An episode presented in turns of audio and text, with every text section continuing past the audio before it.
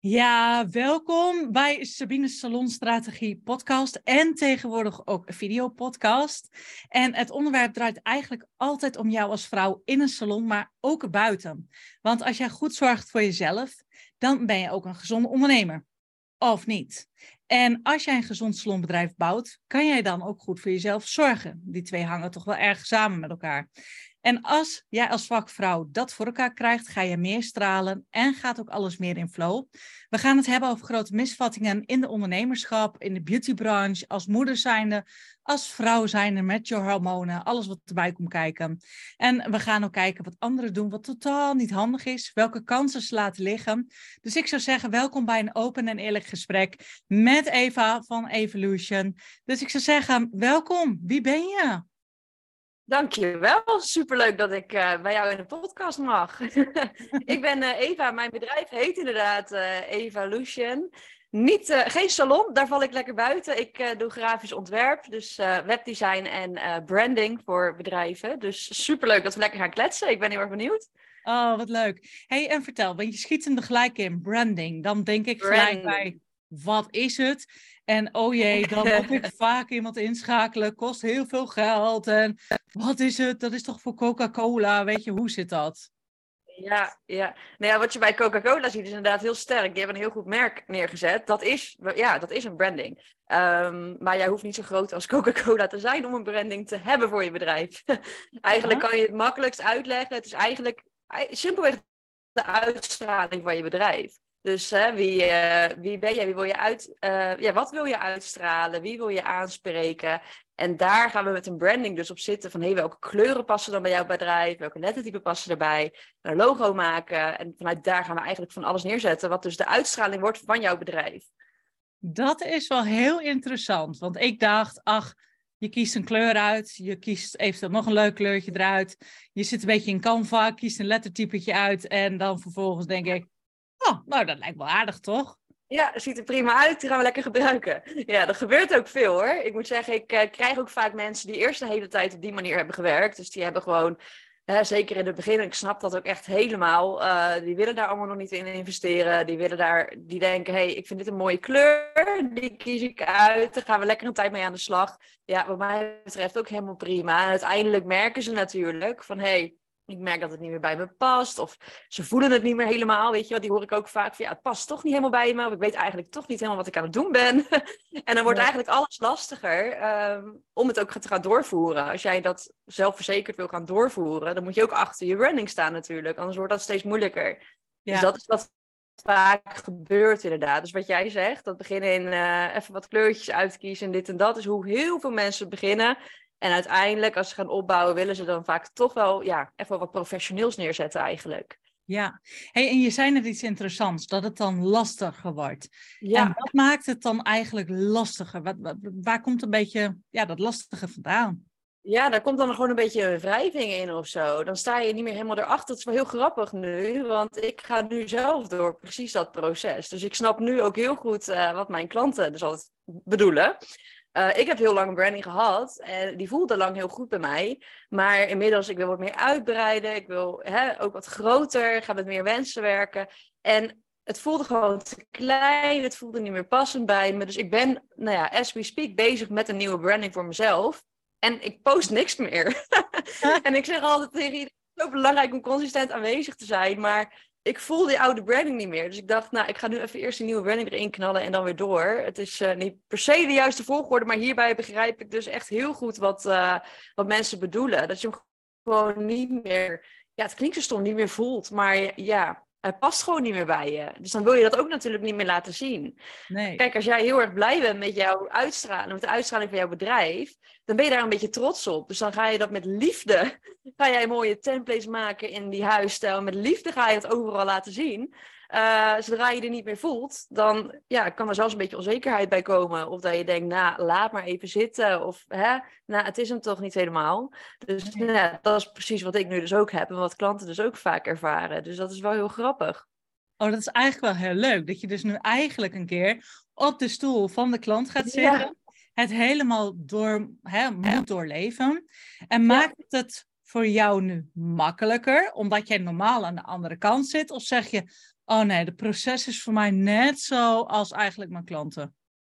Je bedoelt ehm, het maken van de branding, bedoel jij? Nou ja, de branding, maar dat hele rebranding wat er omheen komt. Hè? Want je, je, eh, eh, je loopt er eerst tegenaan en je denkt, ik voel het niet meer. Nou, wat je dan heel mooi mhm. zegt, je gaat niet meer posten. Toen dacht ik mhm. gelijk, oh, je moet eigenlijk dan denken aan een stel, ik noem even wat. Stel je voor, je draagt altijd hakken. En ineens op een dag denk je, ik wil helemaal niet meer op hakken lopen, ik wil op sneakers lopen. Ja. En dat is zo onwennig en zo raar.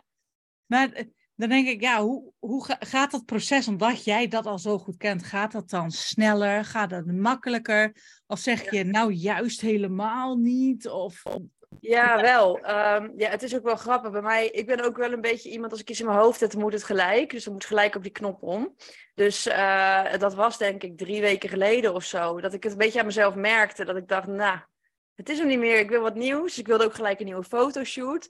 Ja, dat doet mijn zusje altijd. Uh, maar ja, ik woon nu in Spanje en mijn zusje in Nederland. En dit was niet van plan om te komen. Dus ik haar gelijk geëd. Hey, ik wil een nieuwe branding. Er moet een nieuwe shoot. Dus kan je volgend weekend komen? Nou, die kwam. Gelijk de shoot gedaan. Ben nu gelijk bezig met mijn branding. Dus ik ben daarin wel heel erg uh, snel van de actie. Um, ja, op zich gaat dat natuurlijk een beetje ik zie dat niet helemaal hoe dat natuurlijk bij klanten gaat. Het kan ook dat zij al een jaar lang zitten te, ja, zitten te balen eigenlijk en het uitlopen te stellen en dan pas bij mij komen. En dan ben ik er natuurlijk pas vanaf dat moment. Um, dus ja, dat zie ik niet helemaal. Bij mijzelf gaat het vrij snel. Ja, maar dat komt denk ik dan ook wel omdat je alle stappen eigenlijk kent. Ja? Je doet zelf ja. klanten, dat je denkt, oké, dit moet gebeuren. Dat, dat, dat, dat, dat, dat. Die route is eigenlijk voor jou wel heel makkelijk daarin.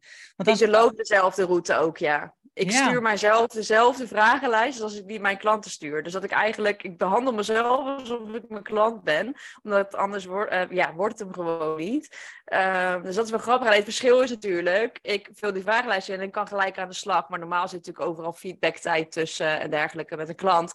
Dus dan duurt het bijvoorbeeld wat langer. Uh, nou ja, en tegelijkertijd doe ik het natuurlijk een beetje in mijn avonduren, in mijn weekend. Want ik ben natuurlijk ook gewoon lekker met mijn andere werk bezig. Dus maar het gaat wel lekker door. Het gaat lekker door. Ik, uh, mijn website gaat bijna live. Dus dat is uh, een lekkere stap. Ja, heel veel zin in. Hey, en normaal ben jij degene die feedback geeft aan de ander. Maar hoe geef jij dan feedback op jezelf? Hoe doe je dat?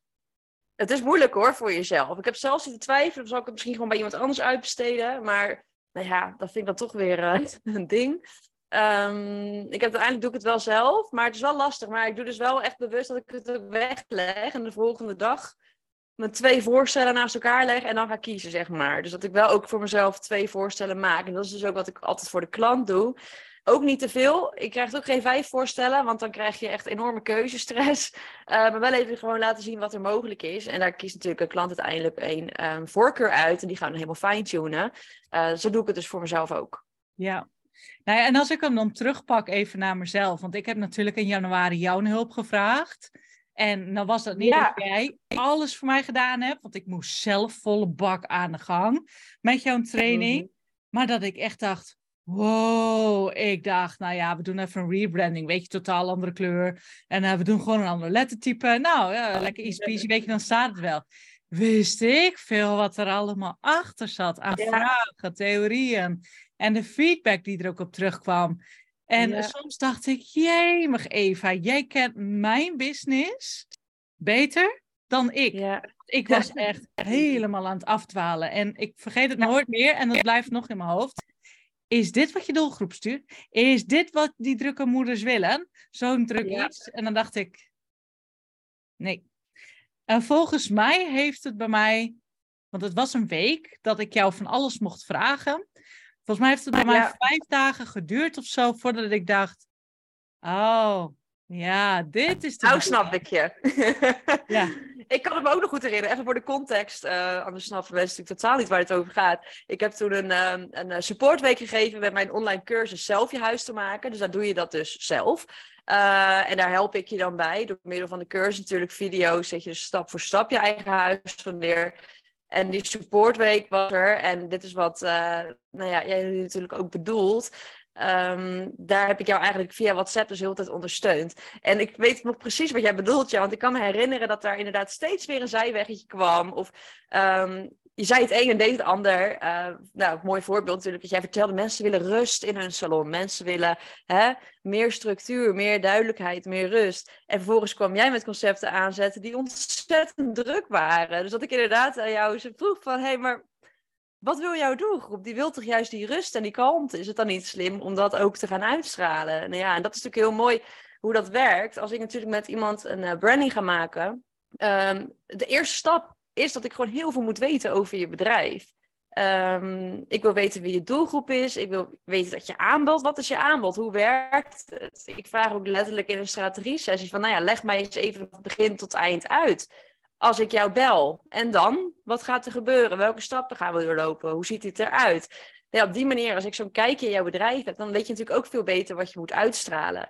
En dat is natuurlijk mooi, want dat ging jij uiteindelijk ook doen in de cursus. Uh, doe je het alleen meer zelf, maar moest je ook vragen beantwoorden, ook die alles duidelijk hebben. En ja, dan is het gewoon belangrijk dat je, uh, nou dat je krachtig blijft en bij de kern blijft. En dus niet al die zijwegjes en alle kanten op gaat. Want dan heb je gewoon geen focus meer eigenlijk. En dat is natuurlijk in je business zo, dat je focus nodig hebt. Maar dat is ook in je uitstraling zo. Als jij van alles maar wat doet, dan ja, dan is er geen focus. Dan is er niets om, uh, nou ja, is er geen sterke basis om neer te zetten. Nee, klopt. En dat was ook wel het leuke wat ik had in het proces. En ook tegelijkertijd het niet leuke. Dat ik dacht, oh leuk, we gaan in Canva spelen. Oh, en ik zag dit, en ik zag dat, en ik zag zus, en ik zag zo.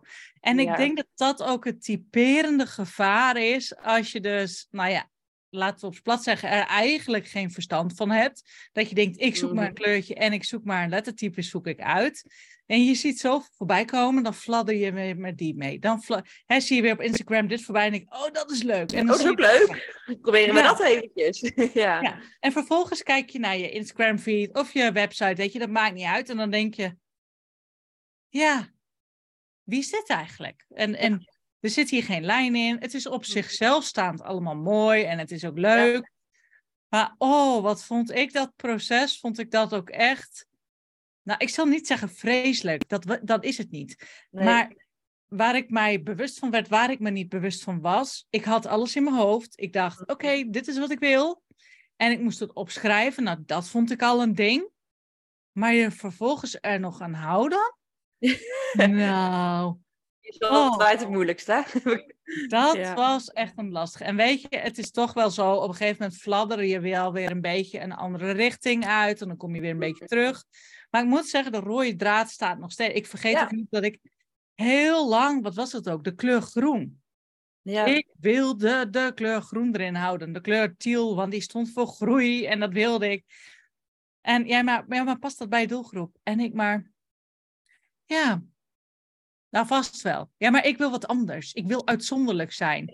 Dus het draaide niet om, yeah. past het bij de doelgroep? Ik wil uitzonderlijk zijn. Maar goed, dat, dat, weet je, dat is even zo'n stijlsprong die we hierin nemen. Maar wel, ik denk, wel een van de klassieke fouten waar ik mij ook niet bewust van was. Nou ja, de grootste is eigenlijk dat mensen iets kiezen op basis wat van ze zelf mooi vinden. Maar jij uh, moet je doelgroep gaan aanspreken. Dat is het natuurlijk het grote verschil. Kijk, jouw lievelingskleur kan heel leuk rood zijn, maar als dat niet past bij wie jij wil aanspreken, uh, ja, dan is het niet helemaal een goede match. Al moet ik zeggen dat het vaak wel opvallend is. Je moet zelf ook maar eens uh, kijken, maar vaak lijkt je zelf heel erg op je doelgroep.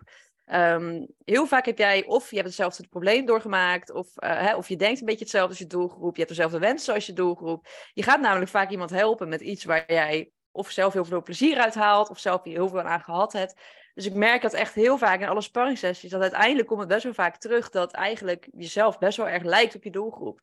Um, dus dat betekent natuurlijk niet direct dat je moet gaan voor de kleur die jij toevallig jouw lievelingskleur vindt. Dat betekent natuurlijk niet dat jouw doelgroep ook blauw de mooiste kleur vindt die er is. Maar uh, dat je natuurlijk wel meer kan denken van, hé, hey, wat trekt aan en uh, waar ga je naartoe? Wat, uh, wil je een rustige uitstraling? Waar heb jij behoefte aan als doelgroep? En daar ga je uiteindelijk een kleur bij kiezen. Maar dat is wel een mooie om even te uh, beseffen dat het heel vaak best wel veel met elkaar in één lijn ligt. Hoe jij dus zelf uh, nou, echt wel wat eigenschappen van jouw doelgroep vaak hebt. Ja, klopt. En ik denk wel een van de beste tips die jij toen destijds ook aan me gaf. Van, goh, weet je, wie was jij bijvoorbeeld vijf jaar geleden? Mm Hoe stond je er toen eigenlijk bij? Ik bedoel, nou ja, stel als je marinier bent en je gaat nu een nagelstudio beginnen. Dat is een beetje een ja. maar je snapt de strekking wat dat betreft wel. Het is, Ja, en Ja. toen zat ik te denken, ja, aan wie hebben die dan behoefte? Ik weet het nog wel dat we een klein beetje, het zat er niet bij, maar een beetje gespart hebben over wat post je dan? Wat vinden ze interessant? Wie ben ik nou weer dan? Maar ik moet zeggen, toen uiteindelijk die kleuren stonden, de lettertype, weet je, ik had mijn basis ineens staan. Toen ging het ook vanzelf. mhm. Toen kwam de creativiteit. Grappig? Ja, maar toen kwam weer om te schrijven, om weer wat te posten, om weer wat te doen. En dat is heel raar hoe dat. Voelt eigenlijk als een nieuwe relatie of zo, denk ik. ja, nou, dat is eigenlijk een beetje wat ik net bedoelde. Dan voel je je weer zelf zeker om dit te gaan delen. Je staat erachter, dus je hebt ook zin om het weer te gaan laten zien. Dus daardoor heb je ook zin om weer content te maken. En zin nou ja, om weer lekker bezig te gaan met alles wat je naar buiten gaat brengen. Dus daar komt die inspiratie vanzelf natuurlijk wel van. Dus met een bepaalde sterke basis die je dan hebt, vanuit waar je dan verder kan natuurlijk. Ja, Ja. toch. hey, maar hoe ben jij eigenlijk op Evolution gekomen? Ik bedoel, Ja. je hebt natuurlijk Revolutie, eh je hebt Eva. Ik denk, ik denk Evolution, cool. Eh, vertel Het eens. komt, niet van, het komt niet van de revolutie, maar van evolutie. is natuurlijk hè, de, de, de groei, eh, alles wat zich, zeg maar, zo, ik kom heel even niet op hoe ik het nou moet uitleggen. Ehm, nou ja, alles wat zich, zeg maar, door de jaren heen evolueert. Ehm, Zo werkt natuurlijk ook met je bedrijf. Je bedrijf blijft, zich eh, blijft groeien, blijft veranderen. Ik geloof echt niet dat er een bedrijf is dat tien jaar geleden is gestart en nu nog steeds precies hetzelfde is. Dat, is, dat werkt niet zo. Ehm, je groeit mee, je groeit als persoon, je groeit, eh, daar groeit je bedrijf in mee. Eh, misschien ga je wel een team aannemen. Nou ja, er kan van alles veranderen. En dat gebeurt zowel in mijn bedrijf als bij de bedrijven van mijn klanten natuurlijk. Ik heb best wel ehm, nou ja, wat mensen die bijvoorbeeld eh, ja, vier jaar geleden toen ik net begon met mij kwamen en dan nu wel eens komen, hey, kunnen we nog even een aanpassing hier en daar doen? Of, hè, dat is best wel normaal. Vaak staat de basis gewoon heel goed, maar zo heb ik dat zelf nu ook. Vier, ja, ik denk dat ik vier jaar bezig ben of zo vier jaar was die huisstijl, past heel erg bij mij. Maar nu ga ik, nou ja, wil ik meer, wil ik groter, er past wat anders bij. Dus mijn bedrijf evolueert. Nou ja, daar komt het een beetje vandaan. En ja, ook natuurlijk even heel leuk, die eh O omge omgezet naar een A vanuit eh, Eva, mijn naam. Dus eh, vandaar de naam. Zo ben ik op die naam gekomen. Eigenlijk door mijn tante, die is erop gekomen. Oh, wat cool. Ja, maar Ja. weet je, dat is het ook vaak. Hè? Het komt meestal uit de meest vreemde hoeken ineens wegzetten. Of iemand Ja, die maakt een woordgrapje en dan denk je... Oh, dat klinkt eigenlijk best wel lekker. Hey. best wel leuk. Ja. Hey, en je hebt het zo net heel kort tussen neus en lippen door, heb je het eventjes genoemd. Maar jij zit niet in Nederland. Jij Nee. zit... Waar zit je? Vertel. Ik woon in Malaga, nu eh, bijna anderhalf jaar alweer. dat was niet de bedoeling. Ehm, ja, ik, woon, ik ben anderhalf jaar geleden ongeveer, ja, iets minder, ben ik hierheen gegaan met het idee om hier een paar maanden te blijven. Acht maanden was eigenlijk nog het idee. Ik had ook mijn huis voor acht maanden verhuurd. En dan dacht ik, nou, dan kom ik daarna wel weer, eh, wel terug. Lekker avontuur, even eruit. Nou ja, anderhalf jaar later, ik zit er nog steeds. Ehm, ja, dus ik doe eigenlijk alles nu vanuit hier. En ja, ik, ehm, ik moet zeggen, het bevalt me hartstikke goed. En met mijn werk heb ik eigenlijk ook niks te klagen. Dat gaat ook prima. Dus ik zie ook niet zo heel veel reden om terug te gaan. Nee, nee, klopt. Hey, en, eh, want je zit in Malaga. Ik bedoel, waarom Ja. uitgerekend Malaga? Waarom Ja, niet, je- eh, weet ik veel wat, Italië, Gardameer of zo? Wat, wat is je connectie mee? Nou ja, Spanje, dat trok me sowieso heel erg. Eh, ik moet zeggen dat ik niet eens heel lang heb nagedacht over de stad. Ik dacht, hier heb je de zee, hier heb je de bergen, hier heb je een goed klimaat. Veel zonzekerheid en een gezellige stad. Voor mij is hier eigenlijk alles wat je nodig hebt. En het is ook niet zo groot, daar hou ik ook wel van. Ik, eh, mij maak je niet heel gelukkig in hele grote, heftige steden, zeg maar. Dus ja, ik vind het dan leuk als je over straat loopt, dat je even kan zwaaien naar iemand. Hey, of dat je hè, je vaste koffietentjes hebt. En gewoon een beetje dat, eh, ja, een beetje cozy, vind ik, vind ik leuk. Eh, dus dat heb je hier in Malaga. En eh, natuurlijk ook gewoon lekker de zee. Ja, ik word ontzettend gelukkig van de zee. Ehm, ik kan ook even een berg oplopen als ik wil. Dus dat is een beetje, ik heb hier eigenlijk alles wat ik nodig heb in één stad. Ja. En dat maakt Malaga voor mij zo ja, geweldig. Het is echt mijn thuis geworden. Ja, ik moet zeggen, ik snap je helemaal. Maar ja, mijn vader woont natuurlijk in Zuid-Spanje. Dus Ja. de zee, dat snap ik. Mijn vriend moet altijd lachen. Hij zei, als wij ooit, zegt hij, gaan samenwonen, wat zoek je? Water. Dat is het eerste wat- Water. Water. Maakt me niet uit of het Ja. nou meer is of niet. Weet je, water. Desnoods leggen we zelf, weet ik veel, iets aan of zo. Ik vind, eh, ja, misschien klinkt dat beetje cliché, maar dat zonnetje, weet je, op dat water, dat ketst wat heen en weer. En, ja, en zon. Ja, ik weet niet wat het En is, maar dat is echt een mega ontdekking. hey, en wat deed jij hiervoor dan, toen je nog in Nederland zat? Ja, hetzelfde. Toen werkte ik ook op deze manier. Dus ik, ehm, het komt er eigenlijk een beetje, daar heb ik dan in die zin eh, een beetje geluk mee gehad met COVID, dat iedereen wel gewer- eh, gewend is geworden om online te werken. Dus in, toen ik nog in Nederland zat, woonde ik in Gorkum, ook een klein stadje. Ehm, wel iets kleiner dan Malaga. Malaga is dan wel weer iets groter. Maar ehm, eh, ja, deed ik hetzelfde. Werkte ik vanuit mijn kantoor, vanuit huis. En ik had daar ook wel een flexplek eh, waar ik zat. Maar verder eh, is er eigenlijk voor mij niet heel veel veranderd. Nee, ik heb ook nog steeds dezelfde klanten. Perfect. Ja, Hey, en, eh, ehm, want jij zegt al, voor mij was dat heel natuurlijk, weet je, was al het werk, COVID, dit soort dingen. Voor mij was dat bijvoorbeeld heel anders. Dat ik toen op een gegeven moment, ik was zo gewend om op een bepaalde manier te werken en ineens moest het online. Dus wat voor mij zeg maar Mm. shockcultuur was, was voor jou eigenlijk een verlenging van ja, nou ja, oké, weet je, helemaal prima. We gaan Ja. gewoon lekker op deze toeren gewoon door. En hoe doe je dat heerlijk. dan? Ja, nou ja, mij lijkt het ook helemaal geweldig. Oh, lekker. Maar hoe doe je dat dan met familie, vrienden? Maak je aanpassingen? Want je zei eh, zo net al eventjes, van ik doe een rebranding. En eh, nou, hè, komt mijn zus er even bij bijvoorbeeld. ja. Ja, komen ze vaak? Heb je elk weekend dat iedereen zegt, joehoe, Eva, wij komen even langs? Of zeg je nou, valt? Eh, eerste half jaar heb ik het echt ontzettend druk gehad met bezoek. Ehm, dat is ook een beetje een foutje van mij geweest. dat was echt veel te veel en helemaal niet handig. Want als je hier een leven wilt opbouwen, maar vervolgens nooit tijd hebt om met mensen af te spreken, want je hebt altijd bezoek, dat, dat werkt gewoon niet. Ehm, dus nee, dat heb ik toen een beetje onderschat, hoe pittig het ook wel is om bezoek te hebben, heel eerlijk gezegd. Ehm, dus ik doe het niet meer zoveel, nee. Ik heb eigenlijk wel bewust dat ik gewoon liefst, ja, het liefst niet meer dan één keer in de maand, één keer in de twee maanden. En dat gebeurt ook- eigenlijk bijna niet meer. Ik moet zeggen, ja, vriendschappen uit Nederland, die, ja, die gaan ook wel gewoon een beetje over nu. Ook omdat ik natuurlijk ehm, eh, nu echt wel heb besloten om hier ook te blijven. Dus eh, je bouwt hier ook een leven op. Ik heb hier nu eigenlijk mijn eh, vrienden. En ik heb nog wel vrienden in Nederland die ik nog wel heel goed spreek. Maar ja, ik, ik had ook wel veel vrienden, moet ik zeggen, in Nederland. Ja. Bijna niemand spreek ik meer. Echt bijna niemand meer. Nee. Nee. Nee, maar iedereen krijgt ook zijn eigen leven. Hè? Dingen veranderen, ook bij ons. Hoe Ja. dat gewoon ook gaat. En ehm, ik was daar net even nieuwsgierig naar, want jij noemde even wat. Ehm, oh ja, je zei van, eh, oh ja, maar hier moet ik ook wat opbouwen. En, en dat klinkt heel makkelijk, heel easy. Hoe doe je dat dan? Ik bedoel, is daar een, een, soort van app voor of een groep voor? Of ga je in een café zitten of zo? Of hoe gaat Nou, dat? inderdaad, allebei. Kijk, je begint natuurlijk hier. En je moet natuurlijk ook gewoon weer opnieuw beginnen. Je hebt eigenlijk letterlijk, ja, je kan het ook. Ik zag het echt als een verademing. Ik kon eigenlijk gewoon mijn leven weer opnieuw gaan inrichten hier. Ik vond dat heerlijk. En ehm, nou ja, ook gewoon mensen uit te kiezen met wie jij om wilt gaan en zo. Het is zo eh, lekker eigenlijk dat je gewoon een nieuwe start kan maken. En eh, ja, wat je zegt, ik ben inderdaad Bumble. Dat is een dating app. Ik weet niet of je dat kent. Een soort Tinder eigenlijk. Eh, en die heb je dan in datestand, BFF-stand, netwerkstand uit mijn hoofd. Volgens mij zijn het die drie. Oh, wat cool. Ik dacht dat het alleen dating was. Dus ik denk, ik zeg gewoon helemaal niks. Geef je eigenlijk Nou, Martin. Ik zou eerlijk Ja. zeggen, ik dacht ook dat het alleen daten was. Dus daarvoor zat ik er eigenlijk op.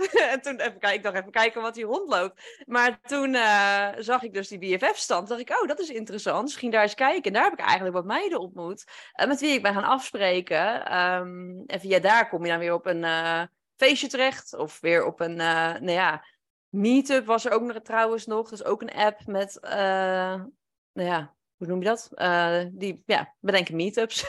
Eh kan je Ja. leuke dingen meedoen. Dus het is ook gewoon, en opdagen, ook gewoon in je eentje. Dus dat betekent inderdaad, als er een feestje is, dat je daar in je eentje heen gaat. En eh, nou ja, dan ontmoet je daar wel weer mensen. Maar Ja. de Bumble is echt voor mij de eerste stap geweest waar wat dingen uit zijn gaan groeien. Bij mij was het echt, echt duidelijk Bumble, ja. Oh, ik vind het wel heel knap. Dat je, dat je het A, dat je het doet, dat het zegt. En dan denk ik, hè, dan kun je nagaan hoe... Dat, ja, ik had nooit bedacht, ik ga die app dan downloaden. Ik heb ook nog nooit iemand in Nederland erover gehoord. Maar het Ja. grappige is, ik hoor, want ik werk nog steeds in de salon, we hebben heel vaak klanten die zeggen, ja, vriendinnen gaan verhuizen, weet je, naar de andere kant van het land. Oh, ze krijgen een kind. Nou, dan hebben ze ineens geen tijd meer voor je. dingen verwateren. En toen dacht ik, ja, hoe doe je dat eigenlijk? Want ik ben ook alle dagen met mensen bezig in de salon uh, Mhm. of met de coaching. En ik merk dan soms in het weekend dat ik denk, ja, ik heb eigenlijk niet altijd behoefte om dan nog naar feestjes te gaan en af te spreken en evenementen. Maar ik wou vorige week wou ik iets in het theater boeken. En ik weet, mijn vriend die heeft een hekel aan Nienke Plas. Die moet er helemaal, die kan er niks mee. En ik denk, Mhm. ja, dat vind ik wel leuk. En dus ik heb een kaartje voor mij alleen. Nou, dat, ik zat helemaal van hoe, hoe dat ik dat gedaan heb. Ik ga alleen naar een theater. Ja, supergoed. Ja, Dan denk alleen maar goed eigenlijk. Ja, en dan denk je, dat is toch eigenlijk bizar. Dat je soms zo gefocust kunt zijn. Nou ja, hoe gekaderd Ja. je eigenlijk kan zijn met bepaalde dingen. Nee, Hey, je en, denkt er eh, waarschijnlijk niet eens over na om dat alleen te doen. Dat je altijd standaard denkt om iemand mee te nemen. En dat is wel iets wat ik bijvoorbeeld heel erg ook geleerd heb door hier in mijn eentje heen te gaan. Kijk, ik stapte op het vliegveld en ik kende hier letterlijk niemand. Dus ik stapte hier mijn huis binnen en denk, ja, oké, dit is nu mijn eh, leven. En ik was, moet zeggen, ik was die eerste week helemaal kapot van het afscheid nemen van iedereen. Het verhuizen en alles. Ik heb de eerste week echt vrij weinig gedaan. Maar ja, op een gegeven moment dacht ik wel, nou, eens even online kijken. Wat is er te doen? Eh, hoe ga ik mensen leren kennen? Dus ja, dat begint wel gewoon zo. Ja. Maar tegelijkertijd heb ik hier ook heel erg geleerd. Ik kon al heel goed alleen zijn hoor, in Nederland. Ehm, dat vind ik ook heerlijk. Lekker mijn avondjes voor mezelf. Maar je wilt natuurlijk ook gewoon wel de mogelijkheid hebben om mensen om je heen te zien. Ehm, maar ja, ik ben ook gewoon lekker even in mijn eentje lekker uit eten. Of in mijn eentje ergens zitten met mijn laptopje. Of even ergens een bakje drinken. Ehm, Ik zou dat in Nederland dus niet heel snel doen. Ja, eerder dan met mijn laptop die ik dan meeneem. Dat ik ergens ga zitten of zo. Maar echt gewoon even zitten en te eten. Dat zou ik eigenlijk nooit doen. En dat heb ik hier wel echt meer gedaan. Dat dat wel eh, hier een ding werd. Dat ik dacht, oh, dat is eigenlijk ook helemaal prima. Lekker mensen kijken, heerlijk. Ja. Nee, ik vind dat ook lekker inderdaad. Mensen een beetje kijken. Maar ja, het klopt wel, want eh, als je hier alleen het eten, dat is heel snel dat mensen bijna denken, ah, gosje, Ja. hier alleen, wat aan de hand.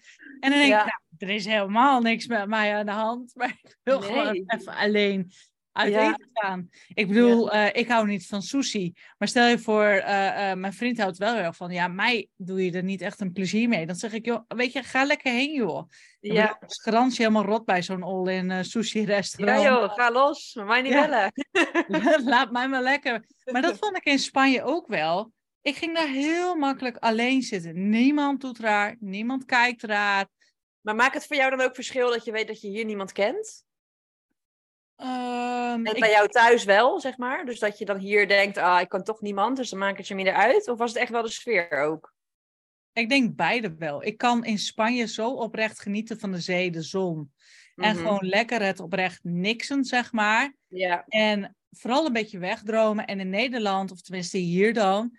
Ja, ik denk ook wel het stukje, oh, ik heb geen zin in die ongemakkelijke situaties. ja. En vervolgens ook, weet je, er is. ehm, ik denk dat dat het ook wel is. In Spanje heb je, natuurlijk vind je daar ook wel Nederlanders. Maar eh, het is vaak een buitenlandse taal. Dus ik raak Mhm. niet zo afgeleid. Op het moment dat ik op het terras ga zitten. Ik, dan denk ik soms, nou, ik ben net zo'n olwiefje, dat ik bijna zit van.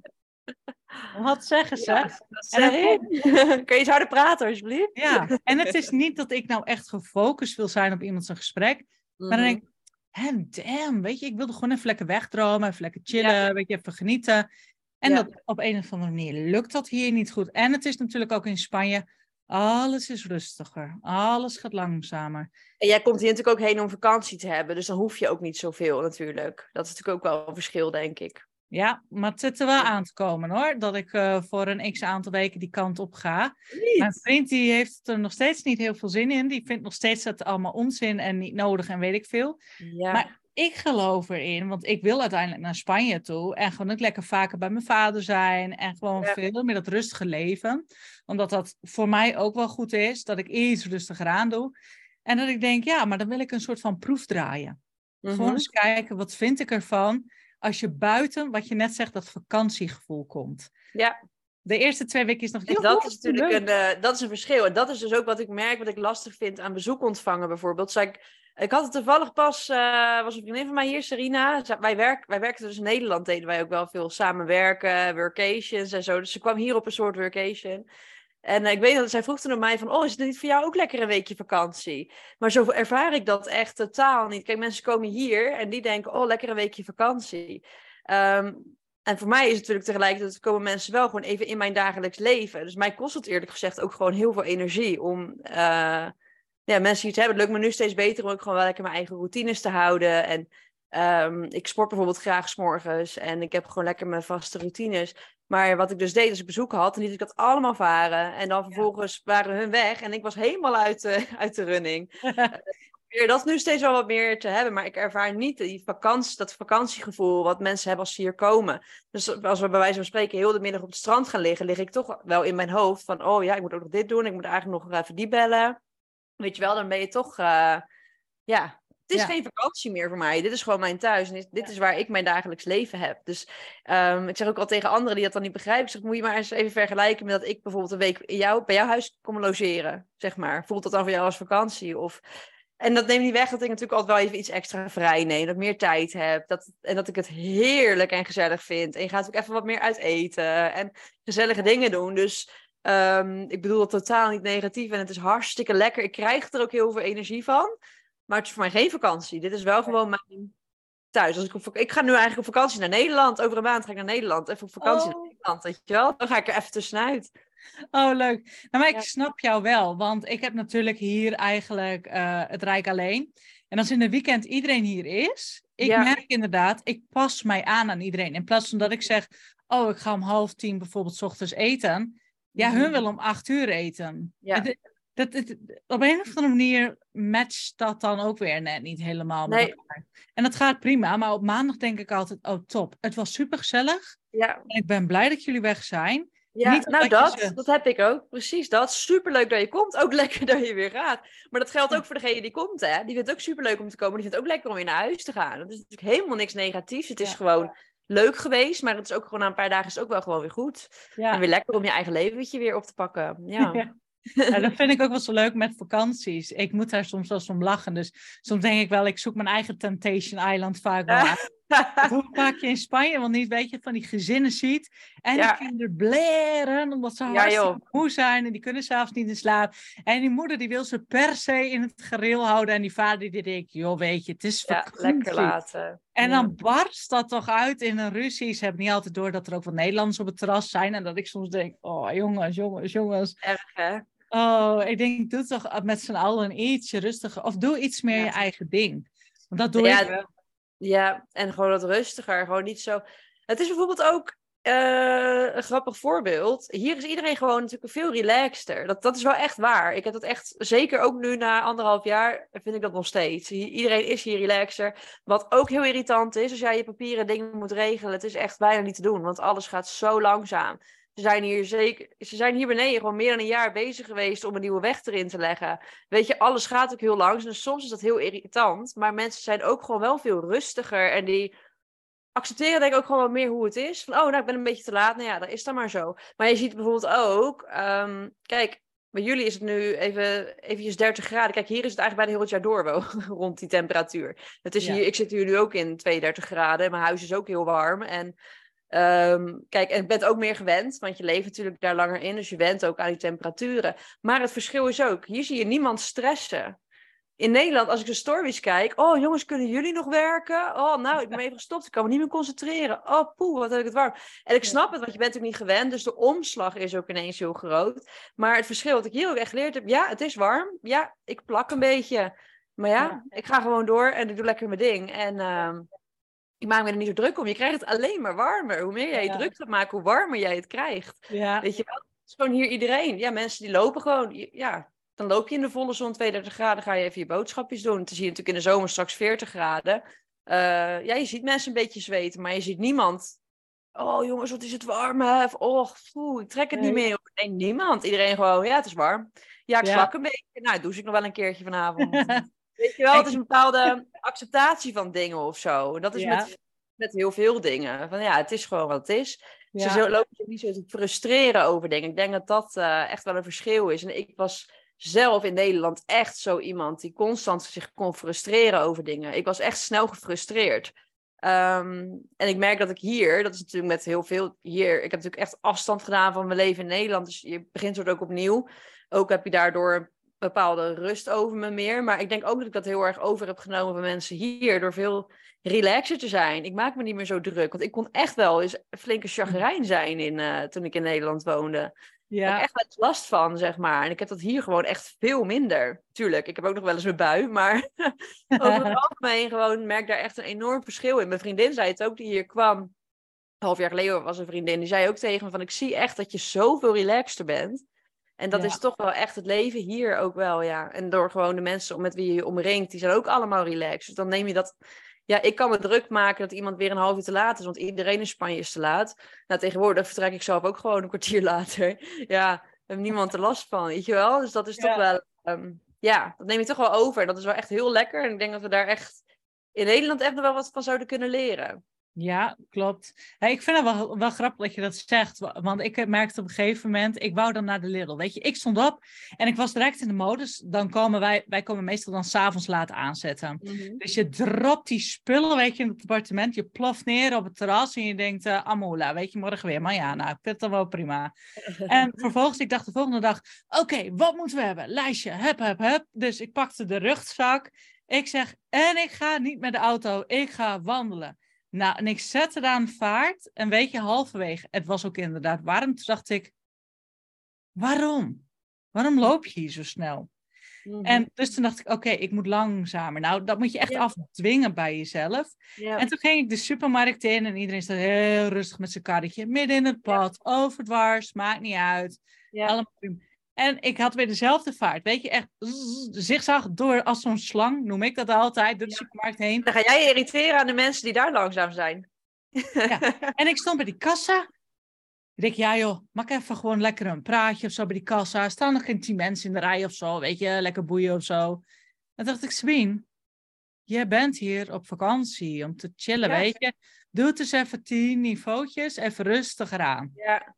Nou, dan moest ik weer terug en toen dacht ik, waarom heb ik eigenlijk bedacht om met boodschappen, weer te veel boodschappen, hè? want stel je voor dat je geen tijd hebt. Nee, je kunt wel drie keer op een dag naar de supermarkt, maar nou, ik vond dat echt de eerste twee dagen loop ik zo tegen de lamp aan altijd. En dan zie ik mijn vader ook echt, ja, wat maak je druk om? Hij was ook altijd van het zes uur s ochtends eten, twaalf uur eten, zes uur eten. Weet je, heel staccato, alles ook weer geregeld. En nu hij zegt, ja, nou ja, dan word ik om half negen wakker of zo. Ja, nou ja, ja, dan pak ik het dan wel weer. Ja, ja hij, hij ziet het ook allemaal wel. Hey, Even terugpakkend op jouw onderneming, hè? want je zei net ook, ik vind het heerlijk om s'avonds alleen te zijn. Mhm. Maar kan dat ook niet eventueel een valkuil zijn? Ben je dan echt lekker aan het chillen s'avonds? Of zeg je toch vaak, hmm, pak nog wel even een cursus erbij of iets voor mezelf? Ja, ik werk vaak wel nog, ja. Maar ehm, ik spreek eigenlijk, ik, dat is mijn valkuil geweest hoor. Ik heb mezelf echt helemaal overwerkt. Dat was echt niet oké. Ik was altijd aan het werk. Ehm, in mijn hoofd was dat ook de manier om geld te verdienen. Meer werken, meer werken, alleen maar door. Ehm, ook de valkuil dat als iemand mij vroeg iets te maken, dat ik dan ook dacht: oké, dan moet dat vandaag gebeuren. Weet je, zoveel spoed is het vaak niet. Ik werk niet in het ziekenhuis. Het zijn vaak toch wel gewoon, gewoon kleinere. Dat heeft echt niet zoveel spoed dat ik daarvoor s'avonds mijn laptop moet openklappen en uh, gelijk dat moet gaan doen. Dat is iets wat ik bijvoorbeeld heel erg heb moeten leren. Dus in het begin werkte ik dus s'avonds wel um, heel veel, maar werkte dus ook voor klanten. Uh, zoals wat later zat ik nog met klanten te mailen. En het probleem wordt dan ook een beetje, tenminste wat ik ervaarde, is dat mensen dat dus ook van je gaan verwachten.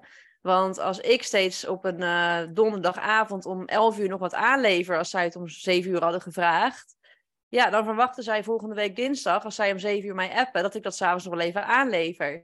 Als ik dat vervolgens niet doe, dan is dat eigenlijk een teleurstelling. Ja, dat... En ik merk dat werd een soort een beetje een cirkeltje, dat ging maar door. En toen dacht ik, ja, nu verwachten ze het van me. Nou ja, ik werkte mezelf helemaal te pletter. Um, dus op een gegeven moment was ik daar ook gewoon helemaal klaar met. Heb ik een werktelefoon aangeschaft. Die ging ook gewoon. Ik, zet, ik leg hem ook echt oprecht gewoon weg na zes uur. Ben ik gewoon niet meer. Ik kijk af en toe even natuurlijk. Maar over het algemeen reageer ik ook eigenlijk nooit meer s'avonds. En ben ik dat gewoon echt een beetje langzaam weer gaan afbouwen. Dus zeker met klanten die ik al had, die moesten daar misschien heel even aan wennen. Um, maar heb ik het ook gewoon even aangegeven. Zeker bij klanten met wie ik heel veel werk. Van hé, hey, ik deed het altijd s'avonds. Ik ga niet meer s'avonds werken. Nou, iedereen zei ja, groot gelijk heb je. Weet je, niemand die daar raar over deed. In mijn hoofd was dat een heel ding. Maar mijn klanten die dachten alleen maar, ja, tuurlijk. Logisch ook, ook niet uh, gelijk uh, te reageren of te doen. Dus dat is iets wat ik toen heel erg moest leren. En daarna ehm, heb ik gewoon ook heel sterk voor mezelf gezegd. Ik mag voor klanten werken. Door de week, normale uren. En daarna gewoon niet voor klanten. Dus zie het maar in te plannen. Weet je wel, en anders moet ik mijn deadlines verder wegzetten. Of dan moet ik meer tijd uh, inplannen. Dus ik werk nu wel bijvoorbeeld s'avonds. Maar ik doe alleen nog maar dingen als ik denk dat ik echt zin in heb. Niet als ik iets moet. Dus als ik echt zin heb om lekker, kijk, ik vind het ook heerlijk om wat illustraties te maken, lekker te tekenen. Um, en link ik dan wel vaak weer ergens aan en denk, oh, dan kan ik weer voor mijn branding gebruiken bijvoorbeeld. Um, maar als ik daar lekker zin in heb, ja, waarom niet? Ik zet lekker een muziekje aan, ik ga lekker zitten schetsen. Dat is voor mij, dat kan prima s'avonds. Maar ik, als ik bijvoorbeeld uh, nog een deadline heb staan, ik mag dus voor mezelf niet dat ik dan zeg, oh, nou ja, ik maak het nu vanavond wel even af. Dat doe ik eigenlijk over het algemeen niet. Het is gewoon de volgende dag is weer klantwerk. Um, maar s'avonds, ja, als ik zin heb om iets voor mezelf te doen, dan uh, mag dat. Gewoon echt een hele echt een simpele regel. Heb ik zin om wat te doen? Lekker doen. Zo niet, nou, zet ik een Netflix-serie aan of ga ik lekker wandelen of zo. Maar dat is ook het meest vreemde, weet je. Als je een eigen bedrijf begint, dan moet het ineens normaal zijn dat je altijd bereikbaar bent. Terwijl als je gewoon een van 9 tot 5 baan hebt en je baas zou je om half zeven s'avonds bellen, dan denk je, yo, doei, morgen. Ja. Ik weet niet eens dat je bereikbaar bent, want iedereen is op het kantoor al weg. Dus ja hoezo, weet je? Hoe, ja, nou ja, ik heb het zelf inderdaad ook gedaan. Ik heb me daar ook zelf in terug uh, moeten roepen. En je ja, zei hoe je jij dat dan? Uh, ah, weet je, dan zei ik, ik werk tot vijf uur. En dan mhm. zei iemand, ja, maar ik werk ook tot vijf uur. Ik wil zo graag mijn nagels oh. gedaan hebben. Kan ik misschien toch niet, als ik net bij mijn baas iets eerder wegga, dan toch nog om vijf uur komen? En dan werkte het tot zes uur. Maar in mijn hoofd was tot zes uur geen probleem. Mm Totdat ik mij realiseerde, oh, en, en dan, dan denk je echt, hoe kun je daar niet over nadenken? Maar dan dacht ik om zes uur, oh shit, moet ik nu nog koken? En ik heb natuurlijk ook kinderen, die waren toen een stuk jonger. Dus dan zat je pas uiteindelijk gehaast en wel, snauwend en wel, omdat je bek af en gestrest bent, zit je aan die tafel. Nee, dat was gezellig. Ja. En toen dacht ik, nee, dat, dat wil ik niet meer. En toen zei ik op een gegeven moment, nou oké, tussen vijf en zeven werk ik niet meer. Maar mm. Het gebeurde ook nog wel eens, dat was ik niet om vijf uur klaar. Dan was het pas kwart over vijf, misschien half zes. Want ach ja, ze wilde nog even dit en dat komt dan wel, zei ik. Maar de volgende die om zeven uur zou komen, die kwam om kwart voor zeven.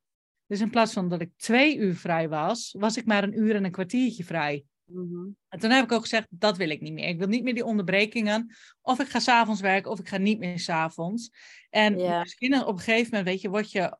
Nou, ik kan het merken nu ik wat ouder word, dat ik denk, joh, ik ben gestopt met de horeca omdat ik vrij wil zijn als anderen vrij zijn. Ik mhm. wil niet meer s'avonds werken, ik ben baas van mijn eigen toko. Dus toen heb ik gekscherend een keertje tegen iemand gezegd, nou ja, weet je, als jij niet naar je werk kan komen omdat ik gesloten ben, waarom kom je dan niet om zeven uur? Nou, wat denk je wat ze zei? Ze zei, tegen, ze zei, oké, dan kom ik om zeven uur, wel lekker. Oh, ze werk.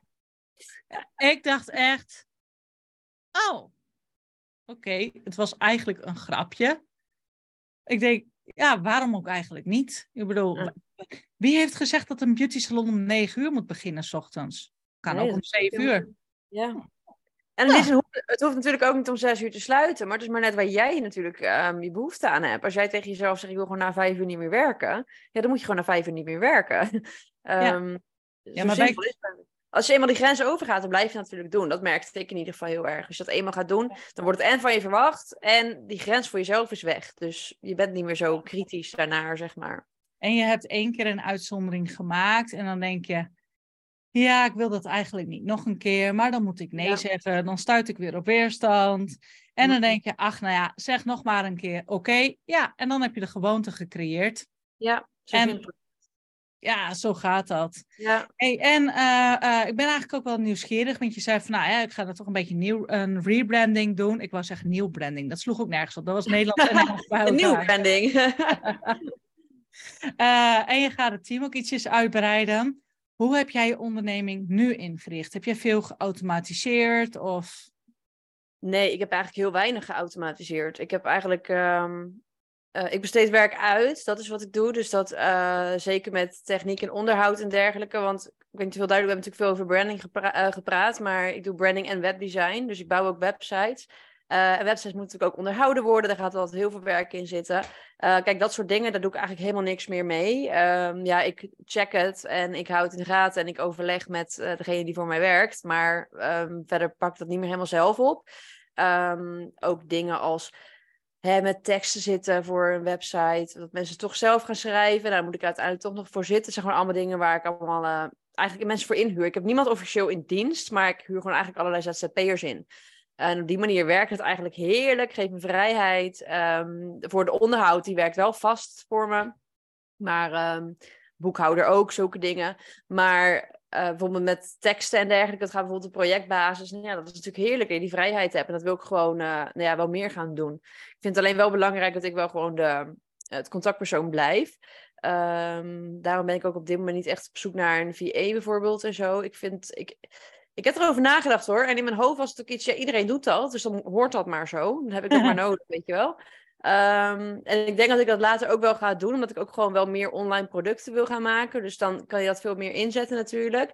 Maar in mijn hoofd was ik soort op zoek naar een VA. Toen dacht ik, waarvoor eigenlijk? Want die kan mijn mails niet beantwoorden. Tenminste, ik wil niet dat hij mijn mails beantwoordt. Ik wil zelf het contact natuurlijk met mijn klanten hebben. Zeker als ik een branding of website ga maken. Um, boekhouding, boekhouder heb ik. Ja, waarvoor wil ik eigenlijk een VA? Toen dacht ik, ik hoef helemaal geen VA. Maar omdat iedereen, iedereen had zo zit, of ja, je moet alles uitbesteden aan een VA, dacht ik dat ik dat ook nodig had.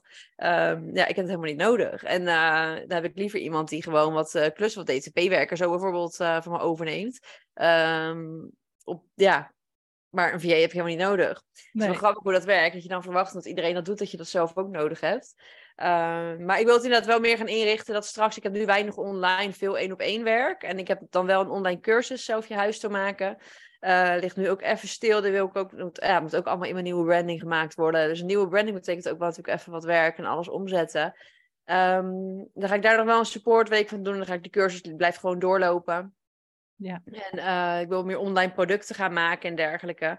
Dus ja, daar wil ik uiteindelijk wel ook gewoon geen kijk meer naar hebben, geen omkijk meer naar hebben. Dus dat wil ik wel uitbesteden uh, en funnels erachter zetten, meer automatiseren. Ja, klopt. Ik moet eerlijk zeggen, dat is echt een zegen. Heel veel automatiseringen. Ja. Want als nu iemand bij mij de cursus koopt, ze krijgen automatisch inlog, automatisch de welkomstmail, automatisch de Dat gaat bij mij inderdaad wel ook allemaal uh, automatisch, ja. Ja, ja website scan bijvoorbeeld ook, die uh, kunnen ze aanschaffen. Dat gaat allemaal automatisch. Ze krijgen een mailtje en vervolgens ja, ga ik die inplannen en doen, zeg maar. Ja. Um, dus zulke dingen gaan inderdaad bij mij wel allemaal automatisch. Wat gaaf. Hey, je noemt net even heel snel de website scan. Even ook weer zo tussendoor, tussen mm. neus en lippen. Ik heb het natuurlijk bij jou afgenomen en ik wist ook niet goed, ja, wat kan ik ervan verwachten? Ik dacht, nou, ja, of mijn website lekker loopt. Dat, verder, dat is echt bizar, maar verder gingen mijn gedachten gewoon niet. Of de knopjes mm. een beetje werkt. En jij kwam zo terugzetten met zo'n uitgebreid document dat ik dacht, wow, hier mag ik echt wel even voor gaan zitten. Echt even dingen aanpassen. Dus uh, als ik een uh, aanrader of een tip moet weggeven aan iemand, ik zou dat doen. Of ik zou de huisstijl, of, nou ja, of ik zou het helemaal uit handen geven. Het is nog makkelijker. kan ook nog.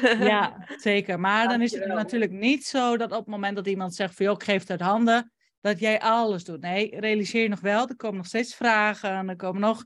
Hmm. Dat is, de, tenminste wat ik wel eens zie, weet je, zo'n magische pil. Dat mensen denken, oh, ik besteed het uit, dus ik betaal je en zoek het maar uit. Hoe je het ja. ja. En ik denk dat dat wel een grote valkuil kan zijn. Ik merk dat ik zelf die verwachting nooit heel erg ervaar, omdat um, ja, het is natuurlijk logisch dat je ook de feedbackmomenten en dergelijke hebt. Hè? Kijk, jij hebt bij mij natuurlijk de, jij hebt mijn online cursus gedaan, zelf je huis te maken, en je hebt bij mij de website scan gedaan. Dit zijn natuurlijk echt do-it-yourself producten. Uh, dus daar, dan weet je natuurlijk van tevoren, dan moet je zelf aan de slag.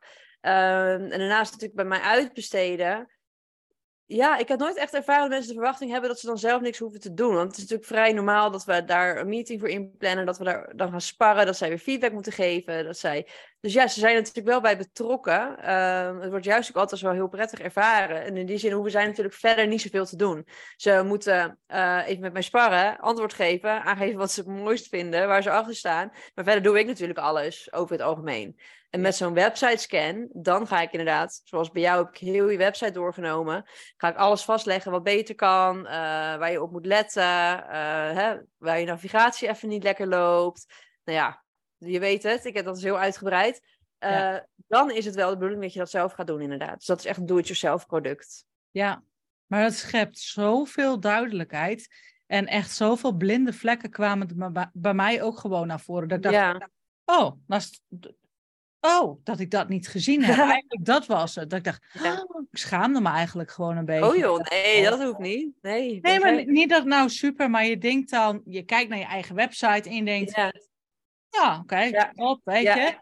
En, het is helemaal niet, weet je, dat jij zei, oh, dit is niet goed, dat is niet goed. Maar nee. ik dacht, oh, ik heb nog best wel wat kans laten liggen, hier en daar en dingen. En zo probeer ik het inderdaad ook altijd gewoon te geven. Bij jou ook, hè, ik geef je gewoon wat opties. Van, hé, hey, je zou bijvoorbeeld dit kunnen doen. Of je zou bijvoorbeeld op kunnen letten dat je dit doet.